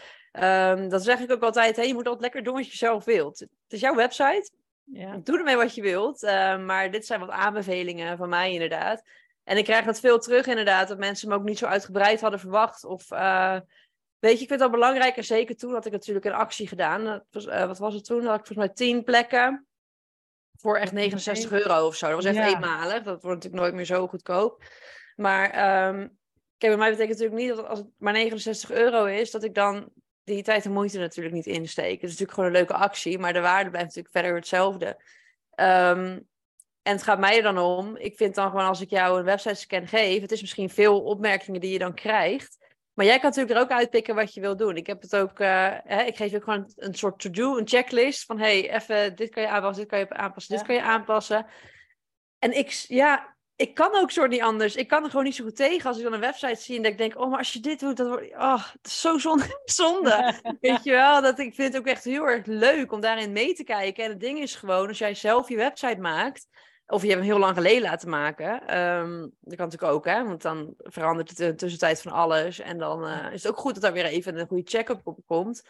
Maar zelf heb je gewoon blinde vlekken. Zo werkt het gewoon. Ik, als ik mijn website live zet, ik zou door iemand anders een website scan laten doen. Weet ik zeker dat iemand wel wat dingen ziet die ik zelf niet zie, omdat ik hem zelf maak. Zo zie ik bij jou meer dan dat jij zelf ziet. Zo werkt het gewoon. Ja. Uh, maar dat heb je natuurlijk met alles. Dat heb je ook in je bedrijf. Daarom is het zo fijn om met een coach te werken, bijvoorbeeld. Um, zodat iemand even met je meekijkt om jou, ja, jouw blinde vlekken te zien, zeg maar. Ja, ik had het toevallig vandaag nog. Had ik over, uh, zag ik voorbij komen op Facebookgroep. hey joh, ik uh, maak dit soort setjes nagels. Wat vinden jullie het waard? Nou, en ik dacht gelijk. Nee, dat is echt precies de verkeerde kant van hoe je hem aankomt vliegen. Dus ik mhm. gaf ook wel wat tips en ik moet zeggen, er werd ook wel heel leuk op gereageerd. Want ik heb altijd een beetje lichtelijk de angst van, hoe als ik erop reageer, weet je, ze zien dan dat ik saloncoach ben. Ja. Dat gelijk is, oh, je wil er een slaatje uit slaan. Maar dan denk ik, nee, ik ben echt oprecht, omdat het mijn passie is. Ja. Probeer ik je een kant op te sturen of je net iets anders naar iets te laten kijken. Want dat vind ik juist zo belangrijk. Dus, uh, maar goed, nou ja. Maakt je mag juist die, uh, juist die expertstatus pakken, toch? Als jij saloncoach ja. bent, nou ja. Ja. Weet ik niet dat je daarvoor hoeft tegen te houden dat mensen dan iets bang, eh, bang zijn dat jij er iets wil uit wil halen, denk ik. Ik denk dat ik juist, als zij op mij reageren, zou ik het juist als een kans zien. Dat ik denk, oh, jij hebt hier verstand van. Dan uh, ga ik wel even met je in gesprek. Oh, daar haal je wel eens goed aan. Daar mag ik nog wel even aan gaan werken, aan dat stukje. Ja, hey, jouw heb je... Wat zei je? Zeg, dat is jouw expertstatus, dus uh, lekker staan. ah, dan mag ik die nog meer gaan pakken. Nou, dat is wel een hele ja. goeie. Komt die blinde vlek ook nog eventjes, uh, zo kort eventjes voorbij zetten. hey, en jij zei net van, ik ben overwerkt. En je zei van, uh, hè, ik heb echt gezegd van, nou, het moet binnen normale uren moet het gaan. Heb je nog iets anders gewijzigd, waardoor jij jezelf wat meer binnen de perken kan houden? Ja, nou ja, het grappige, ik werk echt met heel, heel veel structuur. Het grappige is, ik ben zelf echt een, uh, echt een ADHD'er. Alles gaat alle kanten op. Ik heb altijd weer nieuwe ideeën. Ik sta nooit stil. Ik, als het aan mij ligt, dan werk ik gewoon heel de tijd maar door. En dan gaat alles door elkaar. En dan is het één grote chaos. um, dus ik heb eigenlijk bijna, omdat het, omdat het gewoon nodig is, heb ik enorm veel structuur in mijn bedrijf. Um, ja. Ehm, ik hoor het ook heel erg terug vanuit klanten. Als je bij mij gaat werken, ja, je krijgt direct een hele duidelijke planning. Dan ontvang je dit. Dan wil ik van jou de feedback. Dan, dus ook voor de klant maak ik deadlines. Omdat anders gaat. Oh, daar gaat mijn microfoon. Alles oh. gaat natuurlijk alles, uh, alles door elkaar heen. Dus daar breng ik heel veel structuur in aan. Maar ook in mijn dagen uh, en dergelijke. En dat geeft mij gewoon heel veel rust. Ik heb dat echt nodig. Want anders heb ik, ben ik gewoon echt volledig mijn overzicht kwijt. Zo werk ik. Nou, wat ik zeg, ik heb gewoon echt duidelijk die regel. Als ik zin heb om te werken, dan kan dat lekker s'avonds of in het weekend. Uh, maar over het algemeen gewoon niet voor klanten. Uh, en wanneer dat wel nodig is, is dat voor mij ook een teken van: oké, dan heb ik gewoon te veel werk ingepland als ik het niet red in de uren die ik wil werken. Uh, ja. Dus dat betekent dan dat ik een deadline um, voortaan een weekje later moet zetten, bijvoorbeeld. Um, en verder heb ik gewoon hele duidelijke themadagen. Ik werk echt met hele duidelijke dagen. Maandag en don vrijdag heb ik nooit deadlines. Alleen dinsdag, woensdag en donderdag. Dus dat geeft mij ook de rust in het weekend. Maar ook gewoon die laatste dag van de week. Kan ik nog even rustige dingen afronden. Um, dinsdag is gewoon mijn klantwerkdag. Ja. Met grote deadlines, met een brandingproject of met een websiteproject bezig. Woensdag is mijn afsprakendag. Uh, dus dan heb ik eigenlijk over al mijn afspraken staan met klanten, sparringssessies, eh, feedbackmomenten, zulke dingen. Donderdag is weer mijn uh, klantenwerkdag. Nou, op die manier deel ik het eigenlijk in. En dan is vrijdag en maandag zijn een beetje mijn rommeldagen, dus wat er nog nodig is. Maandag maak ik normaal gesproken content. Ben ik alleen nu wat meer met mijn branding bezig. Dus op die manier deel ik gewoon heel erg mijn dagen in. Waardoor ik dus niet heel de tijd alles door elkaar heb lopen. Want mijn hoofd loopt er echt over. Uh, Daar krijg ik mhm. zoveel stress van. Dus ik merk dat ik dat... Ik doe dat echt al heel lang hoor. Ik werk echt al, nou ja, jaar, drie jaar denk ik al zo. Na het eerste jaar, toen het helemaal misging eigenlijk. Toen ja. ik dat gaan doen. Oh, wat knap van jou. Ja, ik denk dan echt... Ik denk, oh, dat lijkt me heerlijk. Tenminste, ik zat je net ook echt naar je te luisteren. Ik denk, oh, lekker, zo gestructureerd. Ja, je weet gewoon, ik... dinsdag ga ik dit doen, woensdag ga ik dat doen. Ja, heerlijk. Ja, maar ik kan dat inderdaad ook wel, dat ik dan denk, oh, even een mailtje beantwoorden, even dit. En ik denk, nee, ik denk, dan moet je me op. Want ik merk het aan mezelf ook steeds vaker, dat ik denk, nee, dit, dit werkt gewoon niet. Dit is niet handig om op deze manier te doen. Want dan raak je ook heel snel het stukje passie eigenlijk gewoon kwijt. Ja, zonde is ja, dat zou zo, zo zonde zijn. Dat zijn inderdaad dingen met de mail ook wat je merkt. Ik heb er ook, in ook wel veel geleerd van Celine Charlotte. Ik heb haar eigenlijk ja, best wel flink wat cursussen gevolgd. Um, maar ook dingen als gewoon... Ik zet mijn mail gewoon uit overdag. Ik beantwoord één keer per dag. Beantwoord ik alles. Uh, ik heb ook van die dingen, als het dan minder dan 10 minuten duurt, dan doe ik het gelijk eventjes. Wat langer duurt, zet ik op mijn to-do-lijst. Weet je, uiteindelijk gewoon nul mailtjes per in mijn inbox. doe ik iedere dag, dus ik reageer altijd binnen 24 uur. Uh, mijn telefoon, ik heb, ik, ik, heb mijn werktelefoon en mijn normale telefoon. Ze staan nu allebei op uh, focusmode. Dus ik krijg helemaal niks binnen, want ik ben nu gewoon in gesprek met jou. Dus ik zorg dat dat gewoon allemaal lekker uitstaat. Weet je wel, het zijn van die kleine dingetjes die gewoon echt een wereld van verschil maken. Dat doe ik ook tijdens mijn werk. Zet ik gewoon mijn telefoon op focus. Ja, ik ben zo geprikkeld. Als ik een berichtje zie binnenkomen, ja, het eerste wat ik doe is mijn telefoon openen. En voor ik het weet zit ik weer een half uur op Insta te scrollen. Super zonde van mijn tijd. Super focus. Dus dat zijn gewoon dingen die je, ja, waar ik wel gewoon van durf te zeggen dat ik daar echt heel goed in ben. In die structuur en rust uh, terugbrengen in dagen, ja. Oh, wat knap. Ja, ik heb het met Instagram wel eens. Als ik bijvoorbeeld nu had gedacht, oh, even bij even op het profiel kijken. Ja. Echt na tien minuten, dan denk ik soms, waarvoor ging ik nou eigenlijk op Instagram eigenlijk? Ja. Ik, ik weet het eigenlijk niet meer. En dan pak je het bureaublad en denk oh ja. Oh ja, dat was het. Dat ging ik. Ja. Dus dan echt... je op je telefoon kijkt om te kijken hoe laat het is en vervolgens heb je geen idee hoe laat het is, weet je wel? Nee, of ik wil kijken wat de temperatuur is, omdat het op dit moment lekker weer in Nederland is. Mhm. Maar echt, voordat je het weet, zit ik op een TikTok-app. Ik, soms dan denk ik, ben je dan soms... Ja, nou ja, ik denk, het zal ook wel. hey, ik ben wel eigenlijk nieuwsgierig. Als jij opnieuw zou mogen beginnen, wat zou jij anders doen? Mm, dat is een goeie. Um, ja, eigenlijk ben ik echt heel blij met hoe het gegaan is en hoe het gaat. Ehm, ik denk wat ik wel anders zou doen, is eerder met online producten gaan werken. ik denk dat ik daar. En tegelijkertijd vind ik het ook prima dat ik daar nu meer mee begin. Uh, ik ben daar vorig jaar dan meer mee begonnen. Ehm, maar ik denk dat ik daar al veel meer uit had kunnen halen als ik daar eerder mee was begonnen. Veel meer uit kunnen halen. Um, het is een leercurve, hè? Weet je, alles komt wanneer het de tijd voor is. Ja. Dus in die zin heb ik ook niet heel sterk dat ik denk, weet je, ik zou, ik zou nu ook kunnen zeggen van vanaf het begin meer focus in mijn bedrijf. Maar ja, want in het begin, uh, ik, ik startte toen ik nog mijn opleiding grafische vormgeving deed, uh, kreeg ik hier en daar wat klusjes. En mijn plan was om, uh, nou ja, twee dagen in de week leuk wat, wat ZZP'er klusjes te doen. En dan verder bij een bedrijf werken. Ja, ik was klaar met mijn opleiding en mijn werkdagen zaten al vol. Ik had gewoon fulltime werk vanuit mijn bedrijf.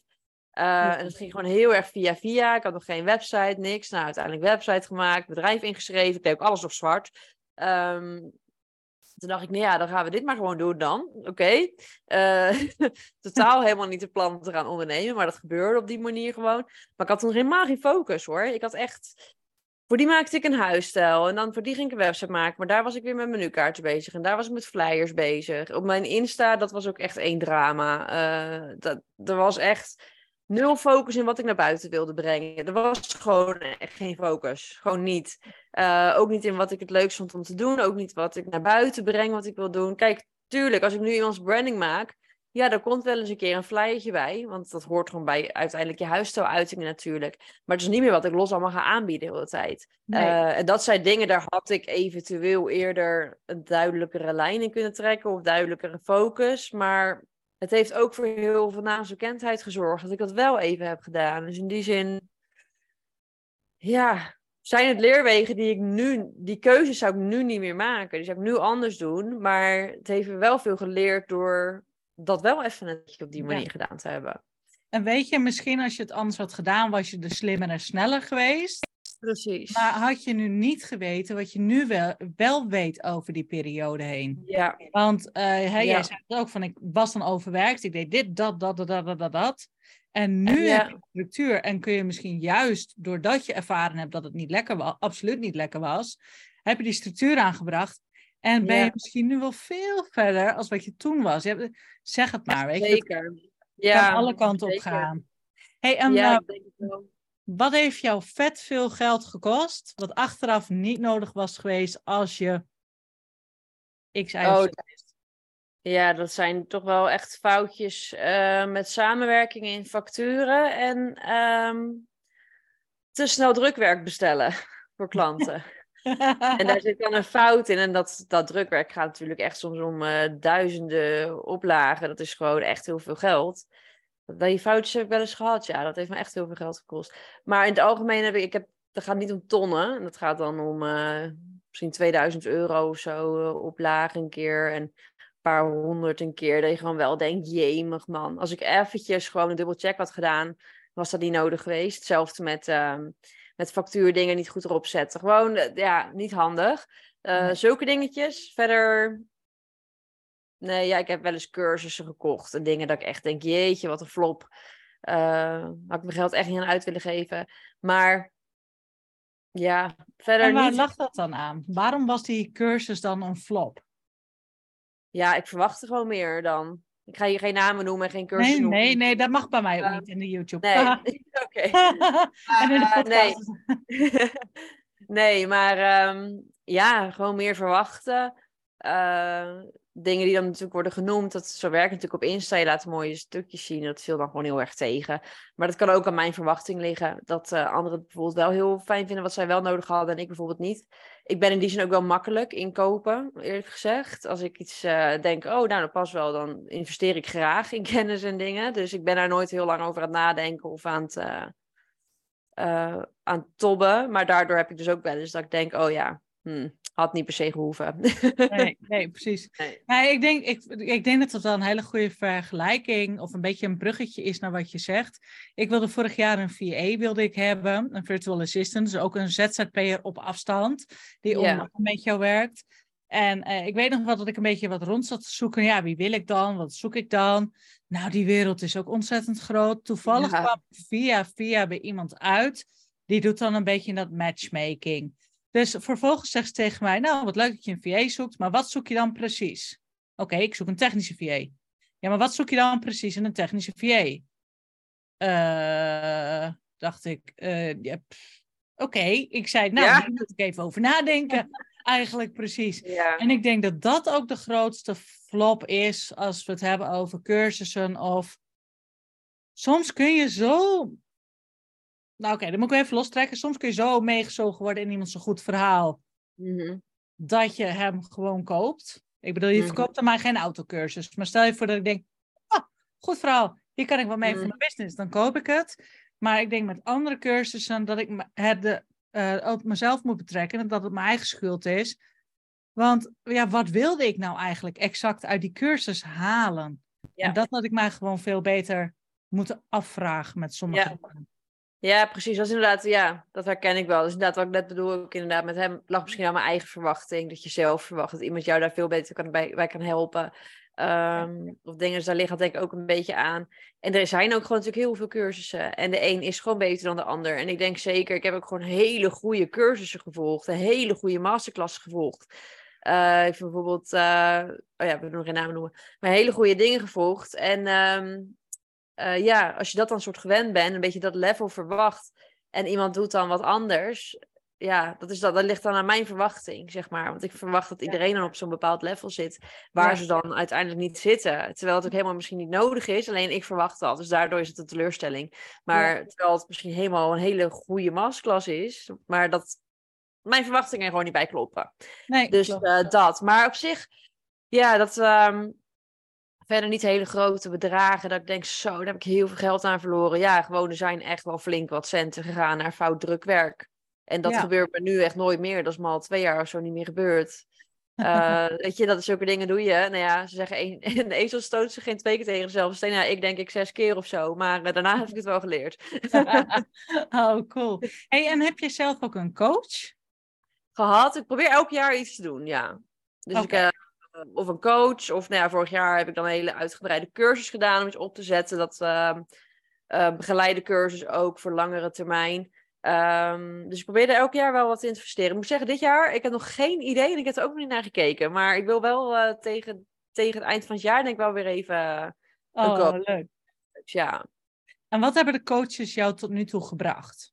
Uh, ja, toch echt wel die blinde vlekken zien. En ik merkte ook wel heel erg... Ik moet zeggen, marketingtechnisch en zo weinig. Dat heb ik echt helemaal zelf lekker opgepakt. Maar toch wel meer met toen die tijd ook met structuur heb ik toen wel veel aan gehad. Ik heb toen een coach genomen op het moment dat ik echt niet meer zag hoe of wat. En dat ik het uh, helemaal overwerkt was. Dus die heeft mij toen heel erg geholpen in mijn time management. En ook wat ja, realistischer kijken naar hoe lang je met dingen bezig bent. Oh, uh, want er zijn natuurlijk inplan dat je met iets een uurtje bezig bent en vervolgens besteed je er drie uur aan. Ja, dan klopt je planning natuurlijk voor geen meter meer. Uh, Komt mij niet bekend voor hoor. Dat nee, hè? Nee. dus eigenlijk op basis daarvan meer ja, de indeling, handige ja, wat handiger met mijn tijd omgaan met zulke dingen. Dus daar heb ik het meest aan gehad. Ik denk voor een volgende dat ik wel iets meer praktisch ga zoeken, denk ik. Oké. Nou, we houden het in de gaten. We zullen het vanzelf zien uh, hoe dat gaat. Ja. Hey, en uh, uh, we gaan ook een beetje richting het einde, want we zouden eigenlijk lekker een uurtje babbelen, maar we zijn al een aardig eindje. Oh, zijn het, is al, het is al laat.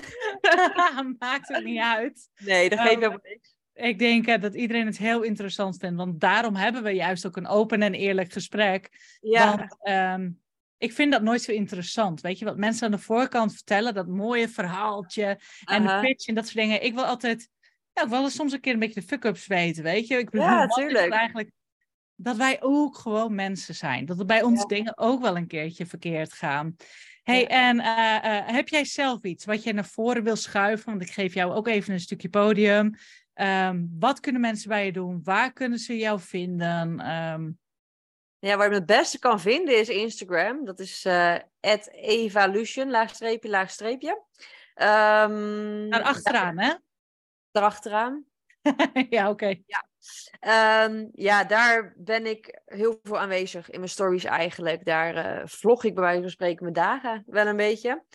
Um, dus ik denk dat je me daar het beste kan volgen. Daar uh, hou je het meeste uit. En dan zie je ook een beetje wat ik doe. En uh, wat, mooi wat jij net ook zegt over dat je belangrijk vindt dat je natuurlijk ook de, ja, de minder leuke dingen deelt. Dat, je, dat het niet altijd maar het perfecte plaatje hoeft te zijn. Dat is iets waar ik voor mijn Instagram ook heel erg voor sta. Uh, dus dat ik daar ook gewoon een eerlijk, eerlijk kijkje laat zien, zeg maar. Uh, en dat betekent ook zo dat ik soms dingen deel die ook wel eens een keer kwetsbaar zijn of iets dergelijks. Ik denk dat het belangrijk is wat je deelt. Um, ik ga het trouwens nu ineens lopen te vertellen, dat vroeg je helemaal niet. Maar ik denk dat het belangrijk is dat als je deelt online, dat je uh, gewoon een goede scheidingslijn voor jezelf hebt. Wat is privé en wat uh, ga je delen? Maar dat dat wel uh, persoonlijk mag zijn. Weet je wel, mensen zeggen altijd, ja, het is allemaal privé, hoef niet te delen. Dat mag ook. Ik deel echt niet alles. Ik deel heel veel. ik heb daar, uh, um, ik ben best wel een open boek wat dat betreft. Maar er zijn ook dingen die voor mij gewoon privé zijn, die ik niet deel. Uh, dan mag je natuurlijk best wel eens een keer een beetje persoonlijk in zijn. Of wat dingen over delen. Ik merk ook dat ik daar best wel wat reacties op krijg. Vaak als ik iets deel, dat mensen het ook prettig vinden als jij wat deelt. En ja, dat vind ik ook fijn bij andere mensen die ik volg. Laat, laat mij gewoon even wat echt zien. Dan heb ik er tenminste nog wat aan. Of uh, leer me even uh, iets. Weet je wel, geef me wat waarde deel even inderdaad een fuck-up. Nou, dan, heb, dan zal ik hem de volgende keer niet maken, weet je wel. Dat zijn gewoon dingen die het wel mooi maken. Dus dan, ja, daar ben ik veel bezig mee op mijn Instagram. En verder kan je bij mij terecht voor uh, online cursus zelf je huis te maken. Of website scan. Eh, dat zijn do-it-yourself producten. Daar gaat meer van komen. Daar ben ik nu uh, druk mee bezig. En verder in de basis blijft gewoon altijd mijn, uh, mijn hoofdaanbod je branding en webdesign voor je bedrijf. dus een nieuwe website, een rebranding of je start net en je, je moet alles nog opzetten. ik ben daar van begin tot eind. Wat cool. En jouw webadres is toch ook evolution.nl? Ja, nee, daar zit een streepje tussen, ja. evalution.nl met een streepje tussen Eva en Lucian. Ja. Als je naar mijn Instagram gaat, dan vind je alle linkjes en dingetjes naar alles toe. Dus dat is denk ik de makkelijkste weg. Ja. Nou, weet je wat ik zo meteen nog doe? Dan uh, zet ik hieronder gewoon in de show notes, onder de YouTube. En dat vind je op de podcast ook. Uh, zet ik gewoon even uh, jouw www Instagram. En dan oh, hoe ze je daar kunnen vinden. Hoe ze je een inter, internet, je website kunnen vinden. En dan komt dat gewoon helemaal in orde. Zijn er nog vragen die jij aan mij zou willen stellen? Dat je denkt, oh, als ik je nou toch even zo heb. Ja, als ik je toch even heb, ja. nee, ik ben benieuwd. Waar, waar wil jij eigenlijk heen? Met, jou, uh, met jouw bedrijf. Jij bent natuurlijk met de coaching bezig. Je hebt ook nog een salon. Ja. Heb jij daar een focus in? Of vind je juist de, de, de mix lekker? Uh, ik vond de mix altijd heel lekker, maar ik merk nu, nu het echt op gang komt, dus dat de cursussen er zijn, dat de coaching er zijn. Ik merk dat mijn vuur daar zo ongelooflijk van aangaat. Oh ja? Oh, wat leuk. Dat ik een beetje de discrepantie voel, zeg maar, tussen de salon en de coaching. Dus ik, ik ben een beetje zoekende in oh, hoe gaat dat vorm krijgen? Ja. En uh, dat heeft meer, zeg maar, in het praktische stuk even, dus puur op, eigenlijk op zijn plat gezegd, op het geld maken. Want ik moet mm. natuurlijk hier zelf mijn eigen huur betalen en ook dat soort dingen ook allemaal. Dus heb je wel inkomen, heb je ook daadwerkelijk nodig. Dus het zal waarschijnlijk wat ja, lineair. Maar voor de toekomst, over vijf jaar, dan ben ik echt niet meer in de salon bezig. Oh, dat zeg je wel heel sterk, ja. Ja, nee, dan ben ik echt niet meer in de salon oh, bezig. Oh joh. Nee, ik, ik, nee, niet zoals ik daar nu tegenaan kijk op dit moment. Nee, nee. heel misschien. Kijk, ik dacht nog stiekem van, oh, misschien doe ik nog een handjevol met klanten, vier of vijf of zo. Maar dat denk ik ook niet. Ik, ik kan dat niet. Ik kan, ik kan alleen maar full pool, weet je, ergens ingaan. Ja. Uh, dus dat is. En dan, dan ga je misschien ook meer ondernemen vanuit een soort schaarste, omdat je geld nodig hebt. En niet per se vanuit um, dat je het echt heel erg leuk vindt. Dat is natuurlijk ook een verschil in hoe jij gaat ondernemen. Als je echt, echt geld nodig hebt, dan ga je ook dingen doen die je misschien, waar je niet echt per se je passie uit haalt. Als je op een gegeven moment die vrijheid natuurlijk wat meer hebt, wat meer kan groeien, dan ga je natuurlijk ook keuzes maken voor de dingen die je het leukst vindt. Maar het leukste aan schaarste vind ik tegelijkertijd ook weer dat je zeg maar, nou ja, wel extern gedwongen wordt om ineens mm. creatieve oplossingen te vinden hoe jij wel oh. een inkomen kan vinden. 100 procent. Daarom dus zeg ik ook tegen iedereen, gewoon doen. Gewoon gaan. Want als je moet... Ik heb dat ook. Ik had toen, was klaar met mijn studie. Ik had gewoon mijn huur. Ik had mijn alles. Ja, ik sprong ook in diepe. Ik denk, ik moet nu klanten krijgen. Ik moet geld verdienen. Want anders kan ik mijn huur niet meer betalen en dergelijke. En dat maakt dat je ervoor gaat. Dat maakt ook... Ik weet zeker dat dat de reden is waarom mijn bedrijf zo goed loopt. Omdat ik wel moest, zeg maar, toen. Ja. Ik denk en dat, was dat het dat voor heel mij... goed helpt, maar het... Ja, ik denk dat dat voor mij, jij zegt dat nu zo. En ineens denk ik terug aan uh, eh, 2018. Toen ik uh, moest stoppen met de horeca. Of, nou, ik moest niet stoppen met de horeca. Mijn moeder die overleed. En ik had gewoon geen zin meer in die lachende mensen. Dat ik dacht, ik wil helemaal niks met horeca te maken te hebben. Het was ook niet zo dat ik ach, ik kon mensen wel de kroeg uitkijken. Ik dacht, ga toch weg, man. Weet je, ga thuis zitten of zo. Ga, er, ga gewoon weg, man. Ik kon gewoon niks meer hebben. Dus ik dacht, nee, ik ga niet meer terug in de horeca.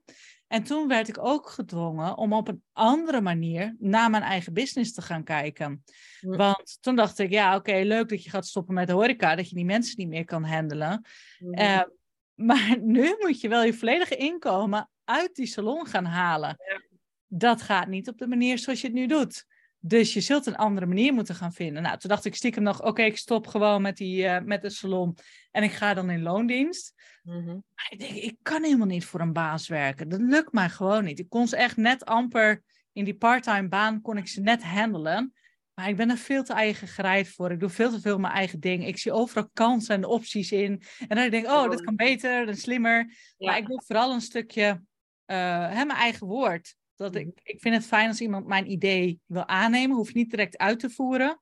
Maar wel zo van, goh, wat leuk dat je een idee hebt, zeg maar. In de horeca is het nog heel erg van, dit is hoe we doen. En zo doen we het. En zo blijven we doen. Punt. Dus er was geen ruimte meer.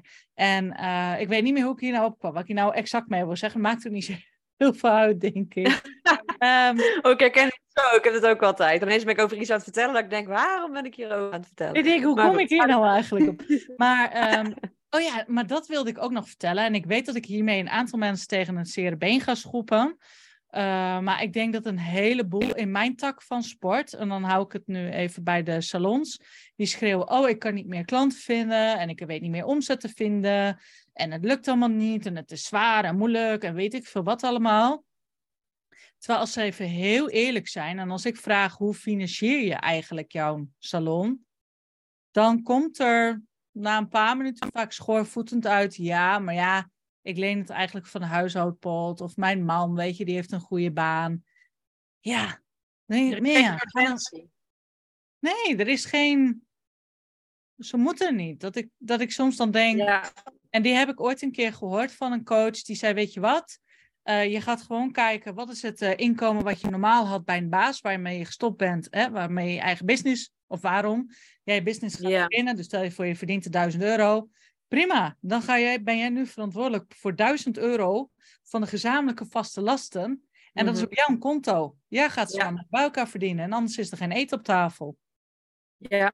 En dat ik denk, ja. daar mag, vind ik soms de wereld een beetje pushy-achtig in. Dat ik denk, jullie mogen daar wel wat hard, of nou niet jullie. Ik zie dat een aantal mensen echt wel wat harder mogen worden daarin. Ja, zeker.